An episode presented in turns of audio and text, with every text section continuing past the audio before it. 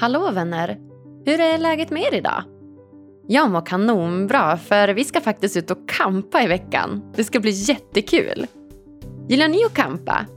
Ni får jättegärna tipsa mig om era bästa campingtips på till exempel Instagram. För jag har nog både ett och annat att lära. Idag pratar jag med en professor från Karolinska institutionen i Stockholm och en av hans kännetecken är att han vägrar att sitta still. Hans huvudämne är molekylär och tillämpad arbetsfysiologi och har länge studerat hur fysisk aktivitet påverkar hälsan. Han är också legitimerad läkare och kollega och medförfattare till boken Hälsa på recept som skrivits tillsammans med populära och omtalade Anders Hansen. Så ni kan ju bara gissa hur kunnig han är. Han heter Carl-Johan Sundberg och idag pratar vi bland annat om hur fysisk aktivitet påverkar hälsan på en både fysisk och mental nivå. Hur man tränar smart enligt honom, om hur det faktiskt är möjligt att bota depressioner med hjälp av fysisk aktivitet. Det känns nästan som att prata med ett levande uppslagsverk. Jag heter som vanligt Agnes Sjöström och den här podden presenteras i samarbete med hypnotication.com. Varsågoda kompisar!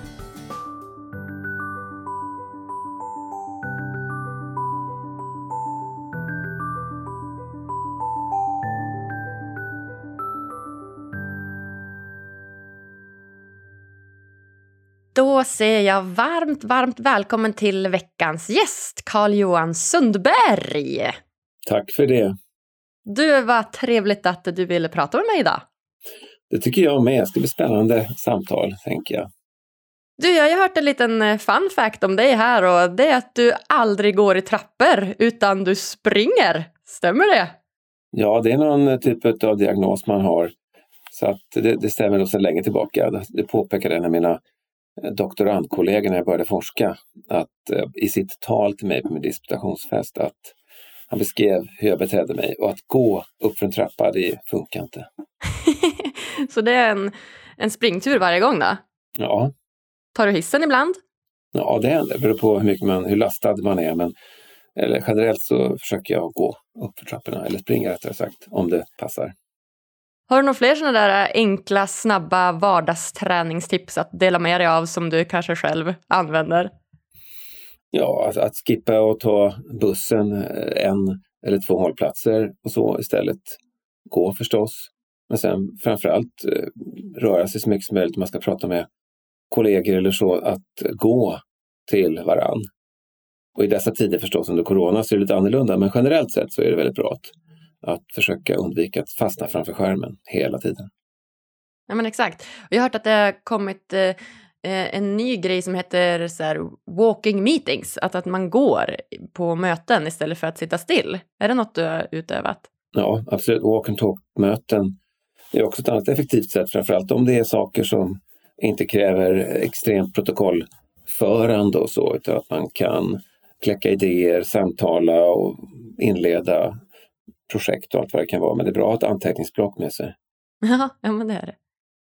Du, eh, jag vet ju att du är legitimerad läkare och professor i molekylär och tillämpad arbetsfysiologi på KI i Stockholm. Och du är författare och har skrivit eh, flertalet böcker som handlar om just det ämnet vi ska prata om idag, fysisk aktivitet och hälsa. Mm.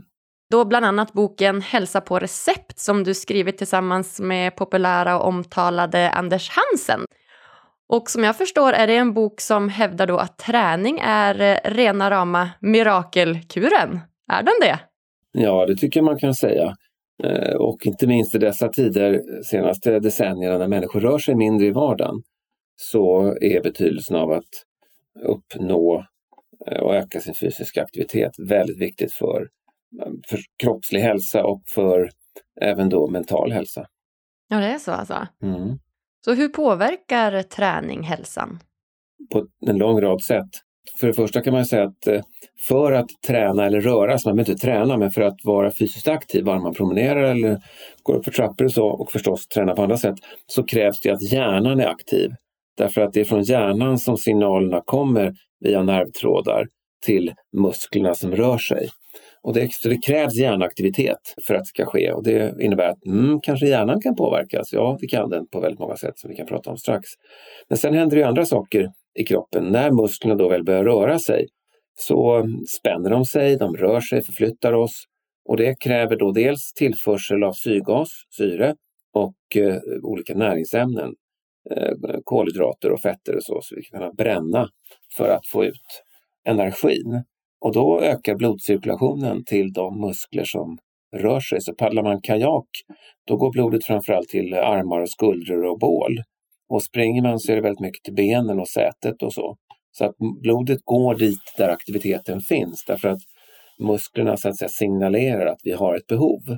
Och då vidgas blodkärlen just i de muskler man arbetar. Och då styrs blodet dit och hjärtat får signaler om att det behövs mer och då pumpar hjärtat oftare Eh, pulsen ökar och dessutom så pumpar hjärtat kraftigare slag. Så det är bara en illustration av att det sker mycket på olika sätt. Då. Sen kan man lägga till att för att upprätthålla blodtrycket och få eh, loss energifyllda ämnen från levern där det finns eh, socker och fettväven där det finns fett så kommer ett hormon som adrenalin till exempel, som är ett stresshormon, att öka i blodbanan och då kommer man att mobilisera energiförråden. Så du vet, det här är jättesammanhängande. Det här är bara början. Okej, så att det handlar om blodet som pumpas ut och hjärtat som pumpar och pulsen som ökar? Japp. Vad gör det liksom på välmåendet? Hur påverkar det oss? Ja, det påverkar ju framförallt blodkärlen själva och hjärtat. Så att om man är regelbundet aktiv, då blir hjärtat bättre på att pumpa över tid. Så att man får ett eh, större och starkare hjärta. Och blodkärlen i de delar av kroppen som tränas framförallt. Och de blir fler små kärl så att man effektivare kan byta ut ämnena. Men också så att de vidgar sig lättare. Det vill säga att blodet kommer ännu lättare ut till de musklerna. Så tränar jag höger biceps eh, i tre månader, bara den uthållighetsträning, vilket ingen gör. Man kan hålla på 45 minuter och lyfta en lätt hantel. Och gör inte det med vänster, då kommer bara höger bicepsmuskel att få fler små blodkärl och mer vida kärl så att blodet lättare kommer till just den, men inte den andra muskeln.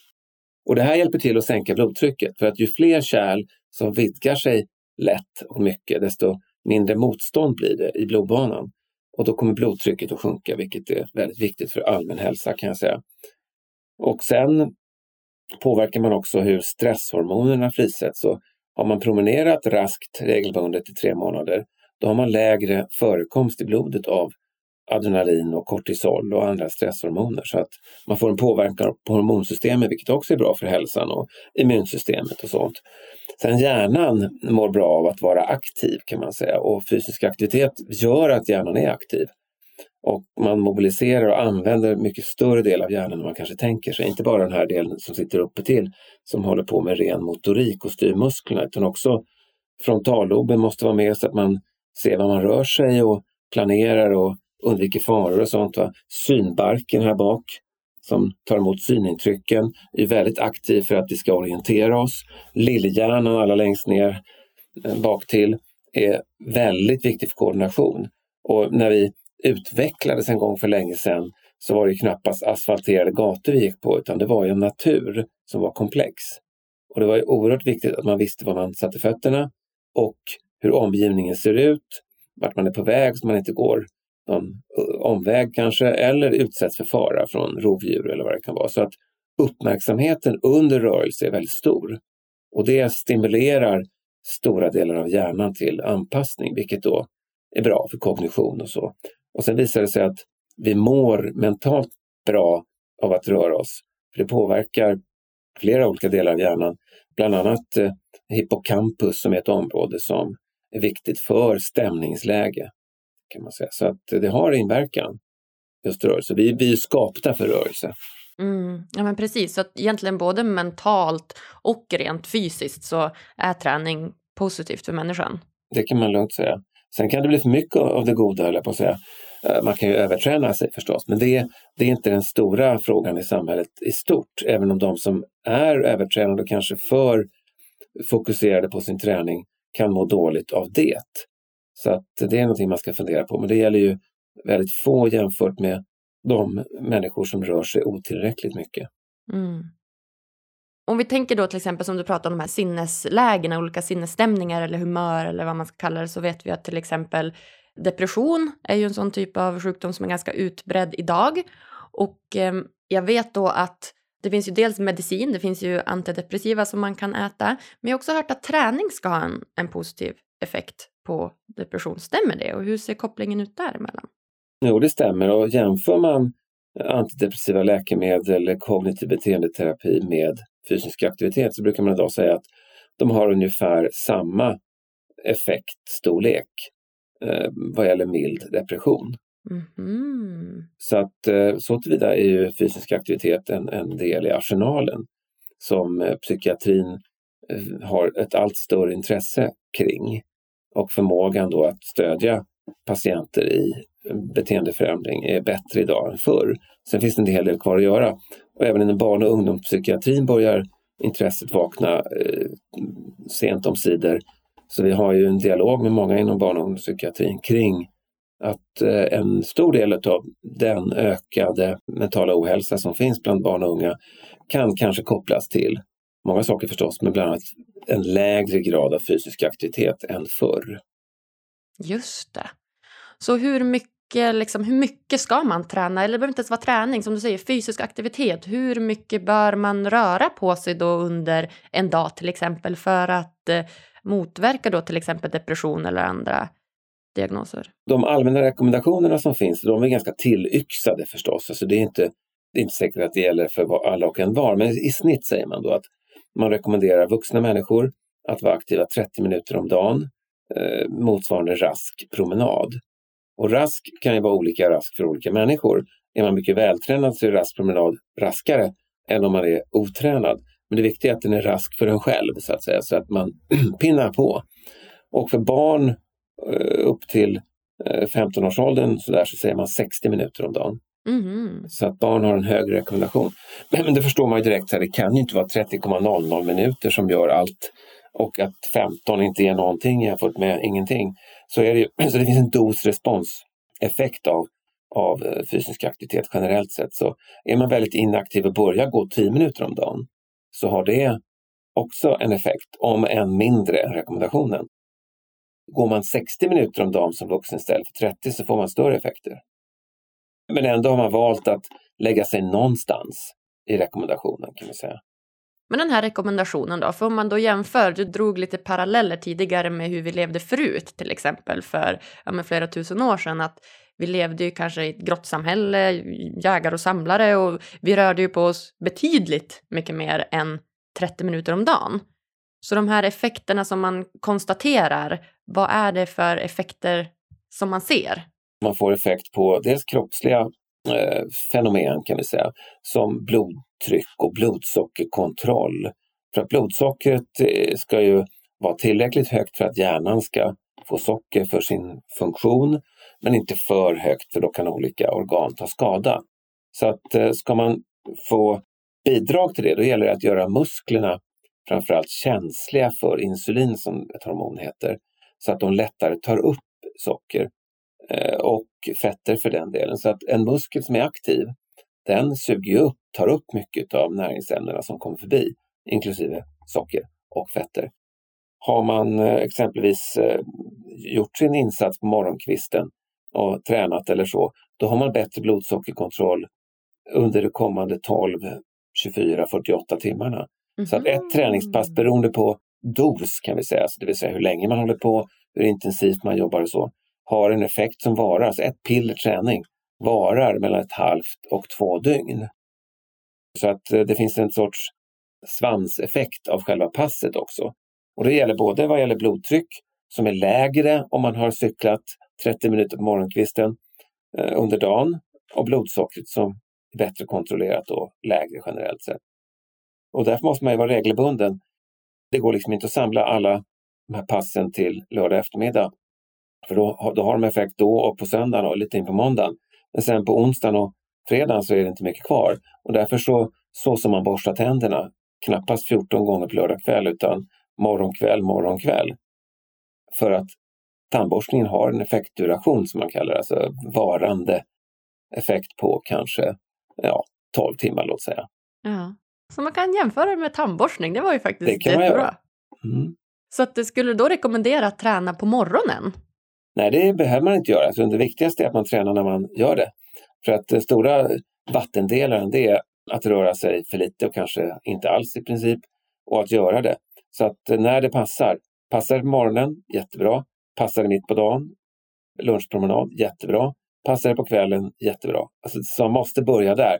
Sen kommer finlirarna in och vill veta vilket klockslag, vad ska jag ätit, hur mycket ska jag sovit? Och, du vet, då är det väldigt många variabler som, som är kniviga. Det viktiga är att man så att säga, får till ett mönster som gör att man är regelbunden. Och det kan vara morgon en dag, en kväll en annan dag, men att det kommer med en regelbundenhet under veckan. Så att säga. Sen är sömn och eh, allt annat förstås väsentligt också. För att ju bättre du har sovit, desto mer sannolikt är det att du orkar träna. Och ju bättre du är fysiskt aktiv och regelbundet och tränar, desto bättre sover du faktiskt. Man sover djupare om man har tränat. Eh, och det märker man de gånger man gör kanske en heldagsinsats någonstans där man kanske håller på med någon renoveringsverksamhet eller trädgården eller ute och vandrar eller vad man nu gör. Va? Att man sover som en stock. Mm. Ja, men spännande. För att jag vet att i er bok så förespråkar ni också att man ska träna smart. Hur, eh, hur tränar man smart och vad innebär det? Ja, det finns ju många aspekter på att träna smart. Det, gäller, det smartaste är att få in det i vardagen. Det vill säga att, att trixa till eh, transporten som man framförallt håller på med mellan A och B. Så att den inte bara blir stillasittande på en buss eller i en bil utan att man faktiskt använder den egna maskinen. Och det är så att det finns en rolig bild som säger så här att eh, först är en bild av en, en bil. This one runs on money and makes you fat. Och det andra är en cykel. This one uh, runs on, uh, on fat and makes you rich eller något sånt. Va? Ah, Förstår du? Så att man, man kan visa egen maskin är väldigt bra för att då skapar du alla de här förhållandena i kroppen. Men sitter du still med din maskin, det vill säga dina muskler och din cirkulation, hjärtat och så, då kommer de inte att märka av att du flyttar dig. Och då kommer de heller inte anpassa sig och skapa den hälsa som man önskar. Just det. Ja, den är ju jättebra faktiskt. Jag ser den nästan, nästan framför mig, den där bilden. Okej, så om vi tar då till exempel eh, kondition och styrka, tänker jag. Vi pratar lite grann om ja, hur man ska träna smart och eh, det finns ju då både konditionsträning och styrketräning. Har man sett någon skillnad på de här två olika typerna av träning med någon som har mer effekt än någon annan? Ja, men det är en bra fråga. Man kan säga att rekommendationen som jag sa förut, 30 minuter, den gäller ju eh, konditions aerob träning. Men sen finns det också i rekommendationen vad man ska göra när det gäller styrka. Så man, man bör då styrketräna två gånger i veckan, minst kanske tre, och att man kan göra det hemma eller på gym eller vad man nu vill, eller ett utegym eller någonting. Man kan använda kroppen som motstånd. Och då får man eh, ett antal delvis andra effekter. Muskelmassan ökar, man får större muskler, man får bättre kontroll på kroppen och framförallt hos för äldre så är det viktigt med det för att inte ramla och kanske bryta någonting. Så att rekommendationen säger två saker i grunden. Det är både styrka och eh, uthållighetskonditionssträning. Sen för äldre står det att man ska också träna balans och det är för att minska risken för fall till exempel. Men där kan man ju träna vilken ålder man än är i, så, säga, så det är inte något uteslutande. Men då kan man säga att förutom att de här olika träningsformerna ger lite olika effekter så är kombinationen det bästa för hälsa. Och jag tror, när det gäller äldre, så tror jag att vi kan komma att ändra rekommendationen så småningom till att först och främst peka på betydelsen av styrketräning för att bibehålla muskelmassa så mycket som möjligt. För att då har man en större chans att också orka eh, konditionsträna.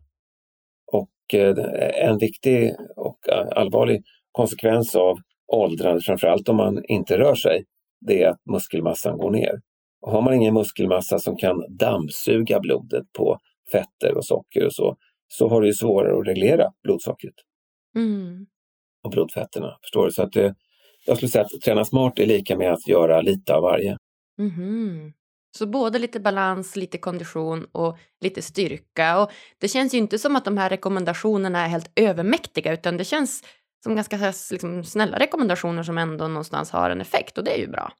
Ja, det är bra, men man kan säga så här att för vissa människor kan eh, 30 minuter om dagen te sig väldigt mycket, framförallt om man har vissa sjukdomar. Så att jag skulle vilja påstå att man ska göra lite mer än det man gör nu. Och som jag sa först där, det kan vara övermäktigt för en människa som har, är deprimerad eller har smärta på olika sätt i, i leder eller i kroppen att klara av 30 minuter. Så att då rekommenderar jag mig att börja med att kanske gå runt huset eller kanske börja till och med gå inomhus och småningom komma upp i 10 minuter och kanske 20 och sen kanske 30 en vacker dag. Så att det viktiga är att inte sätta upp 30 som en alltför hög ribba utan att ta några hundra steg fler nästa dag.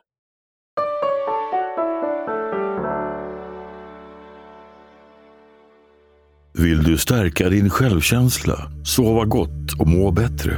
Då borde du testa vägledd självhypnos. Det enda du behöver göra är att lyssna, slappna av och följa instruktionerna. Gå in på hypnotication.com och hitta dina favoriter idag. Ange koden LYCKA för 15% rabatt på hela köpet. Ja, okej, okay. så vi vet då att eh, fysisk aktivitet eh, förhindrar olika typer av eh, sjukdomar, till exempel då hjärt och kärlsjukdomar som vi pratade om och att det även kan förbättra hälsan på en rad olika sätt, både mentalt och fysiskt. Trots att det är rätt välkänt så känns det ändå som att det är rätt svårt att ta sig ut på de här träningspassen ibland. Och ibland känns det inte som att det svåra är den fysiska aktiviteten i sig utan kanske snarare att ta sig dit. Mm. Och det gäller ju att sänka den tröskeln och den ribban tycker jag. Så att man ska inte tänka nu ska jag träna, det ska vara så formellt eller ordnat. Så att det måste vara ett pass eller det måste vara att gå till gymmet eller så. Utan man kan ju faktiskt bara ta en promenad så att säga som det enklaste eller göra något annat som man tycker är kul med sig själv eller andra. Och vi, vi skriver om det i den här boken som jag nu visar för dig på bild här, Starkare hela livet, som vi kom ut med för ett halvår sedan ungefär, jag och en kollega. Och den handlar eh, framförallt om hur träning kan vara viktig livet igenom. Och eh, en annan rubrik här är som du ser, att träna dig yngre. Och vad vi, vi lyfter fram i den här boken det är att man kan påverka vävnader och organ så att de får bättre funktion. Så som det kanske var för 10 eller 20 eller 30 år sedan om man nu är 50 eller 70 eller så. Så att det väsentliga är att förstå att det krävs, eller behövs, eller är bra om man tar de små stegen först och inte sätter upp ribbor. Och hem, hemmet fungerar alltså utmärkt som träningsplats. Och det gäller att kanske det är bättre att göra fem minuters träning. Och på 50-talet så fanns det ju en postorderverksamhet med Arne Tammer som då var Sverigeberömd och han, hans slogan var Ge mig en kvart om dagen. Och då hade han sådana här träningsprogram på postorder, dåtidens internet som kom alltså i kuvert. Och sen så kunde man då hålla på med sina styrketräningsövningar, för det var, det var det han fokuserade på. Och då brukar jag ställa frågan till mina studenter, tror ni att en kvart om dagen ger någonting? Och eh, insiktsfullt svarar så gott som alla, ja, det tror man. Så att det är intressant att han satte ribban vid en kvart och det ger effekt till och med 5-10 minuter om dagen har effekt på, på fysisk funktion och även hälsa. Mm. Charlotte Kalla till exempel, hon eh, kan ju inte få någon större träningseffekt av en promenad så att säga. Men, men då är hon ju världselit. Eh, Medan däremot eh, människor i stort som, som inte rör sig får ju effekt av även ganska små insatser. Mm, just det. Om man då drar en koppling till just fetma, om vi tänker USA, det är liksom väldigt många personer som lider av övervikt. Kan man då se att den typen av sjukdomar också minskar av den här äh, lågintensiva träningen eller behöver man lägga in högre växel? Ja, det är en bra fråga du ställer för att övervikt eh, som är ett BMI mellan 25 och 30 och fetma som är ett BMI över 30, alltså olika mått om man jämför vikt eh, i förhållande till längd och så. Det är viktigt att vara fysiskt aktiv oavsett kroppsvikt kan man säga. Därför att eh, även fast man kanske inte går ner i vikt så kommer man att må bättre och man kommer att ha minskad risk för olika följdsjukdomar. Så att det krävs ganska mycket fysisk aktivitet för att gå ner i vikt eh, generellt sett. Så man brukar inte säga att fysisk aktivitet alena är eh, så att säga den bästa viktnedgångsproceduren eller metoden. Man måste kombinera det med någon sorts dietkontroll så att man är, eh, också minskar eh, intaget. Men för att kunna bibehålla en viktnedgång, då är fysisk aktivitet ganska väsentligt. Men just för att kunna komma ner, om man har en väldigt kraftig fetma, så är det svårt med fysisk aktivitet, för att inte säga väldigt svårt. Så att summa summarum, det är bra för hälsan oavsett kroppsvikt, även fast man inte går ner, men det är svårt att gå ner i vikt. Så att man ska inte titta på vågen i första hand när det gäller träningseffekter. För det första så, om man är mycket otränad så går man upp lite i muskelmassa, så man kanske adderar ett kilo eller två i muskelmassa och det är bra. Och sen kanske man får lite ökad blodvolym som är en träningseffekt också. Och då kanske man går upp ett halvt till ett kilo till.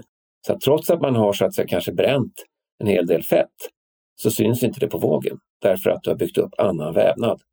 Mm, just det. Så därför så är vågen ett, ett mindre lyckat mått på det hela. Men ska man bibehålla en viktnedgång som sagt, då är fysisk aktivitet bra. Och tittar du på sådana här viktnedgångsprogram på tv eller något sånt där, då ser man ju att det är väldigt mycket en kombination av, av, ganska mager kost och väldigt mycket träning. Och, och det, det, är nästan orealistiska, eh, kan man lugnt säga, eh, volymer av träningen. Så att då, där får man ju effekt av träningen. Men då är, ägnar de här personerna sig mer eller mindre halva dagarna åt träning och det är inte rimligt då för, för människor ute i samhället. Så att, men de stora viktnedgångar man ser i de här programmen, de beror ju på att det är en extremt intensiv insats både med träning och med kost. Ja, just det. Men säg då till exempel, jag tänker för yngre, eh, den yngre generationen till exempel, när det är mycket stillasittande, det är mycket datorer, det är mycket telefoner, man kanske inte rör sig naturligt på samma sätt som man gjorde tidigare och jag tänker att då ökar ju risken både för ja, men fetma, övervikt och depression. Mm. Så hur ska man då hur ska man göra för att motivera då de här barnen? Eller hur ska man göra för att få in det som en naturlig del i vardagen så att de inte men, blir deprimerade eller viktiga? Ja, jag kan säga att skolan har ju sin roll att spela och Sverige har ju antalet timmar idrott och hälsa i veckan har ju gått, är ju lägre nu än för 25-30 år sedan. Och nu kommer det väl att öka lite grann i högstadiet, men fortfarande ligger vi lågt. Så att en, ett, en insats som slår och når alla, det är ju att man i skolan har i princip daglig idrott och hälsa. Det skulle göra en stor skillnad enligt min bedömning. Men sen ska man veta att barn och unga är ju minst aktiva på helgerna. Det, så då måste man rikta blicken mot föräldrarna och familjen. Så att eh, det är lätt för oss att eh, hålla på och kräva vad skolan ska göra, samhället ska göra. Så men när man gör sådana här aktivitets mätningar, titta med olika accelerometrar och stegräknare och sånt där, då ser man ju att, att det är väsentligen lägre på helgerna. Där det är då mycket kanske idag skärmar och annat. Så att jag skulle vilja eh, så att säga, be alla att att ha lite sans i den här diskussionen också, att man förstår att vi har alla en roll att spela för att eh, stödja och delvis kanske valla in barn och unga i att eh, istället eh, vara ute. För att det finns en del studier som visar att när barn, då kanske lågstadiet, är ute, ja då springer de runt. Är de inne så gör de det inte. Så att det är en annan vattendelare, alltså ut och lek som man sa förr i varje fall. Det är fortfarande nog ganska bra aspekt. Men så idrott och hälsa i skolan och bättre cykelbanor, säkrare transporter och så. För att eh, idag jämfört med förr så kör ju föräldrarna väldigt ofta barnen ganska högt upp i åldrarna till skolan. Och det kan vara nödvändigt ibland.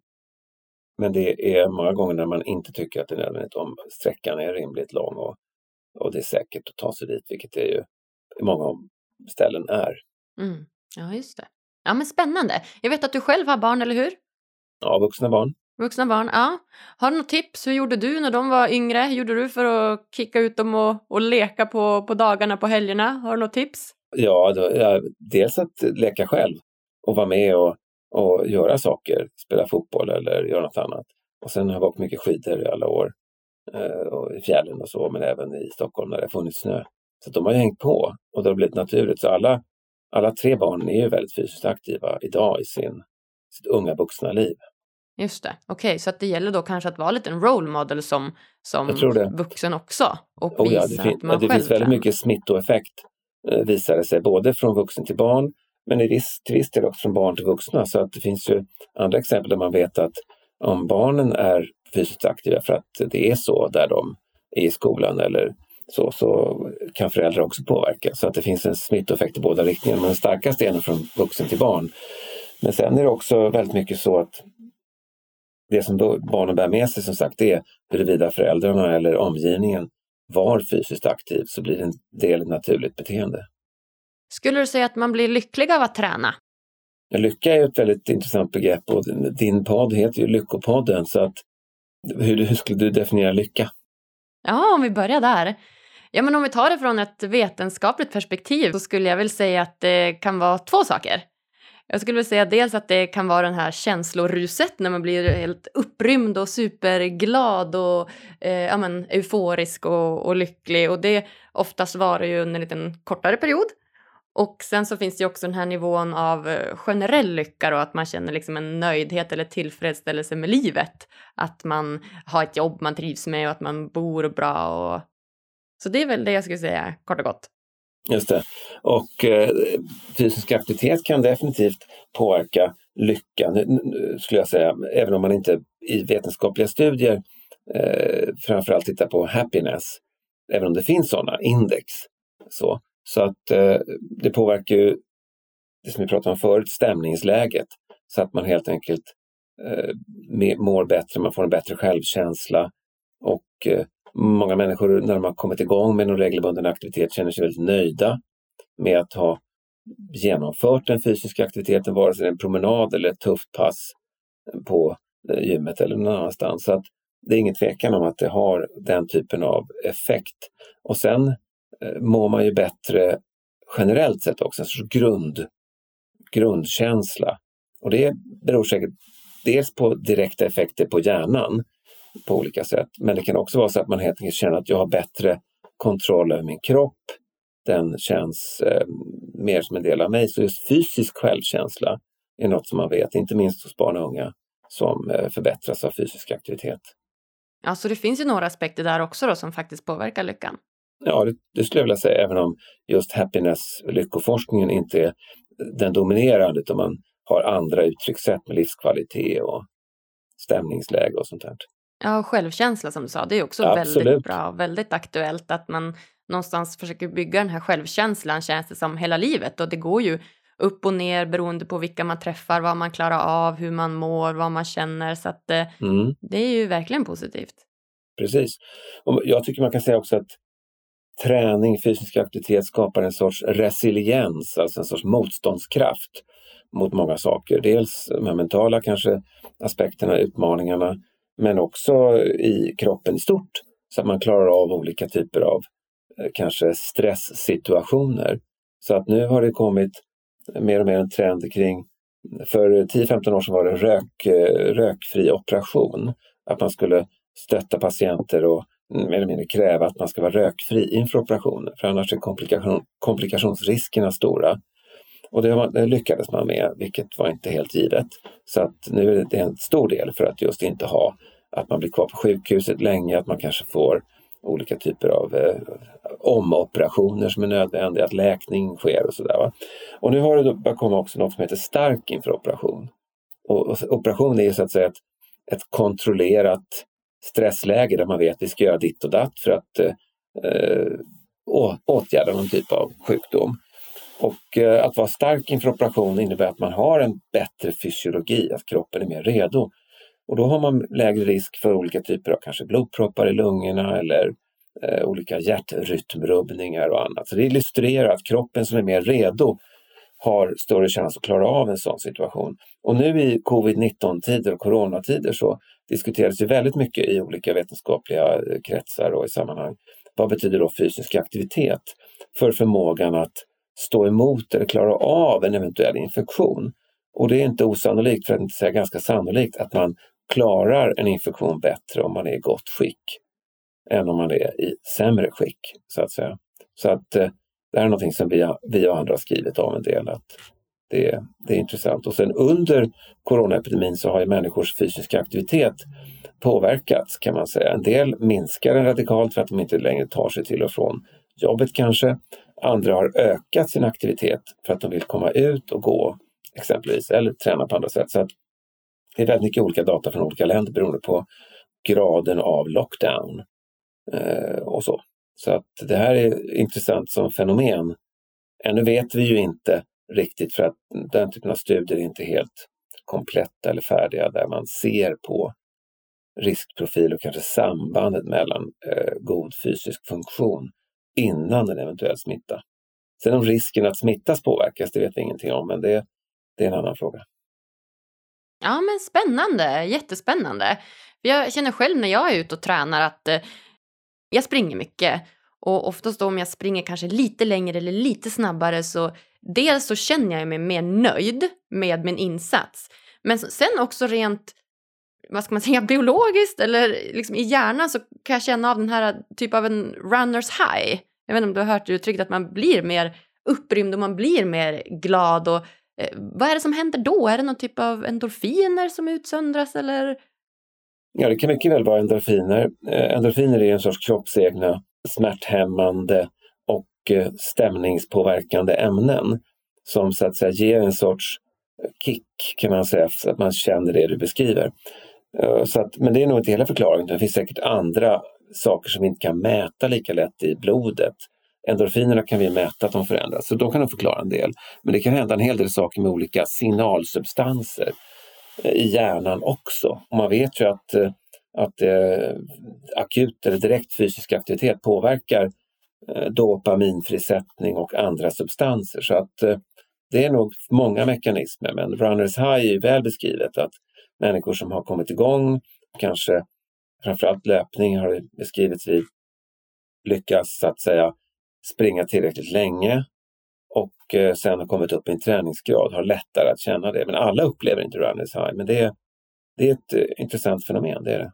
Ja men verkligen. Det, för mig påverkar lyckan väldigt mycket. Dels rent som jag sa sinneshöjande men också efteråt så tycker jag att jag får bättre koncentrationsförmåga, jag blir mm. lugnare, mm. jag blir mer fokuserad. Så det, ja, det är mycket som, som händer. Det finns som. en hel del sån forskning också som tittar på just eh, uppmärksamhet, koncentrationsförmåga och så. Och det är väl mycket som pekar på att fysisk eh, aktivitet kan påverka detta. Sen beror det på hur hårt man har tränat. Så att eh, det är inte säkert att, att stenhård träning ger en fantastisk koncentrationsförmåga direkt en kvart eller en halvtimme efter utan man måste också återhämta sig. Men det beror på dosen och så. Sen vet man inte när den här eh, förändringen av inlärningsförmåga till exempel är som störst. Är det eh, direkt efter? Är det fyra timmar senare? Så det finns en hel del studier där man försöker titta på när efter ett träningspass är det så att säga som eventuellt störst effekter på kognitionen. Mm. Ja, gud vad spännande. Det där skulle man ju jättegärna bara grotta ner sig i. Jag har ju ett år kvar på min masterutbildning och jag blir supersugen på att bara hoppa på en doktorandutbildning sen och kanske gräva ner sig lite mer i fysisk aktivitet och psykologi och kognition. Det är klart du ska göra det. Eller hur? Ja, det finns många som forskar på det, så det finns goda förutsättningar. Ja, vad härligt. Kul att höra. Mm. Du, jag tänker att vi ska gå in här på de sista frågorna innan vi lämnar varandra idag. Mm. Och den första frågan är ju då, vad gör dig lycklig? Ja, förutom då fysisk aktivitet som, som ju är en, en del i den här mixen, så är det framförallt att eh, hålla på med meningsfulla saker på olika sätt. Och det är ju eh, att vara med min familj, att eh, träffa vänner, att eh, också då uppleva saker tillsammans förstås. Och det kan ju vara eh, det som vi ska göra om några veckor, åka upp till fjällen och eh, vandra, och cykla, mountainbike och sånt där. Det är det är en kombination av fysisk aktivitet och umgänge. Men sen också hålla på med det vi gör i jobbet är viktigt förstås, det vill säga hålla på med träningsforskning Och det är väldigt betydelse, eller meningsfullt och betydelsefullt. Där, där vi framförallt försöker förstå vilken betydelse kan träning ha för patienter med cancer till exempel. Så att vi håller på med studier där vi har undersökt eh, under behandling, alltså under kemoterapi, cytostatika, hur kan det förbättra eh, både eh, själva livskvaliteten, eh, tröttheten som många upplever och eh, biverkningar från behandlingen och så. Och där ser man ju stora effekter kan jag säga. Och sen håller vi på att starta upp en stor studie inom psykiatrin där patienterna ska få träna på sjukgymnastiken på eh, sjukhuset, bjuds in och träna tillsammans med andra patienter och personal som då leder passen. Vi har kört en pilot med uppåt 500 personer i ett projekt som kallas Braining på Huddinge sjukhus. Där eh, det visar sig att patienterna kommer. Bara det är intressant och de kommer tillbaka. Och eh, det är också tillfälle för dem att träffa sin sjuksköterska eller läkare som kan finnas med där från att träna tillsammans. Och nu ska vi göra en så kallad kontrollerad studie kring detta för att se vilka effekter det har, både kroppsligen och mentalt. Sådana saker är meningsfulla och gör mig lycklig. Ja, vad spännande! Man blir helt mm. upprymd. Mm. Jag vill också vara mm. med och hjälpa mm. er i er forskning. Ja, absolut, det är bara att höra av dig. Ja, vad härligt, mm. vad kul. Och jag ska skriva en masteruppsats här snart. Kanske jag kan koppla ihop mig med er på något sätt där. Definitivt. Kul! Mm. Ha, eh, om du fick ge lyssnarna en utmaning som de kan göra varje dag för att bli lite lyckligare, vad skulle det vara då? Ja, det är klart att försöka träffa sina, sina vänner och släktingar mer. Nu är det svårt i, för många i dessa tider, men att mötas så här online är ju ett sätt, men också i den eh, fysiska världen. Hålla avstånden förstås, men att göra det så mycket som möjligt och hålla kontakten med människor som betyder något för en. För risken är när man inte har det här vardagliga flödet som vi hade innan eh, pandemin, det är att man tappar trådarna. Så att just lyfta en lur, eh, köra eh, via Skype eller något annat eh, och kanske träffas ute. Det tror jag är väldigt viktigt för alla och en var. Kan man samtidigt kombinera något av det här då med en eh, promenad eller kanske gå och träna tillsammans så kan man må ännu bättre, ja. skulle jag säga. Ja, vad fint. Och det känns så bra för att som du säger, det behöver inte vara så svårt och så jobbigt. Utan Nej. som du säger, bara ta upp luren och gå en promenad samtidigt. Så har man ju yes. två flugor ja, i en Absolut. Ja. Och det har jag märkt när jag suttit och jobbat hemma nu vissa perioder mycket då. Att eh, jag har känt ett trängande behov av att komma ut. Och då har jag identifierat vilket av alla de här enormt många Zoom-mötena som man har eh, passar för att jag går. Och det gör ju vissa därför man är kanske mer en, en lyssnare alternativt att det ska inte skrivas så mycket och så. Och då passar jag på att raskt promenera. Ja, ja men bra tips där. Det, ja. det, det ska jag också göra här när, när skolan drar igång igen. Det är ju på distans här till en början har vi hört. Och, ja, men jag tänker att man kanske lär sig bättre genom att gå samtidigt. Ja, det tror jag man kan göra. Som du lyssnar på inspelade föreläsningar eller vad det är du kan göra så passa på det och, och gå. Ja, det ska jag verkligen göra. Jättebra. Jaha, och eh, vem hade du velat ska gästa Lyckopodden? Ja, det är en bra fråga. Eh, Anders Tegnell. Ja, ja, det hade ju varit så intressant. Ja, fråga honom. Det finns många förstås som är intressanta. Men Lina Martinsson tycker jag ska prata med som är då ansvarig för den här studien inom psykiatrin. Mm. Det är en annan person. Hon har ju drivit det här konceptet braining nu en lång period och eh, leder verksamheten. Så det vore spännande med då en överläkare i psykiatri som kan reflektera. Mm, ja men tack, det ska jag verkligen kolla upp. Och eh, om man vill komma i kontakt med dig, hur gör man då? Ja, då kan man gå in på KIs hemsida eller slå på, på mitt namn och mejladress Karl, Karl Johan Sundberg så hittar man mig på KI. Ja men perfekt. Ja, nej, är det något eh, slutligen som du känner att du vill dela med dig av till lyssnarna? Nej, jag tror jag har sagt det mesta, men eh, lyssna gärna på den här podden. Det är uppenbart att du, du tar upp viktiga frågor så att det är väl det jag kan säga. Lyssna på denna och andra intressanta poddar. Ja, men vad fint. Och det kan man göra samtidigt som man är ute och går också. Just det, det är det som är så smart. Mm. Tack Agnes. Ja, då säger jag tack snälla du för att du ville komma och gästa Lyckopodden. Vi är så glada. Det var roligt. Tack. Hej med dig. Ja, nu jämmar sig är jag motiverad till tusen på dagens löprunda hörni. Det gäller att verkligen hitta motivationen till att träna och vilka bra tips Carl-Johan gav oss om det. Tycker ni det här var lika bra som jag? Prenumerera gärna på Lyckopodden, följ oss på sociala medier och ge oss fem stjärnor på iTunes. Tack för att just du lyssnar. Vi hörs på tisdag igen. Puss och kram!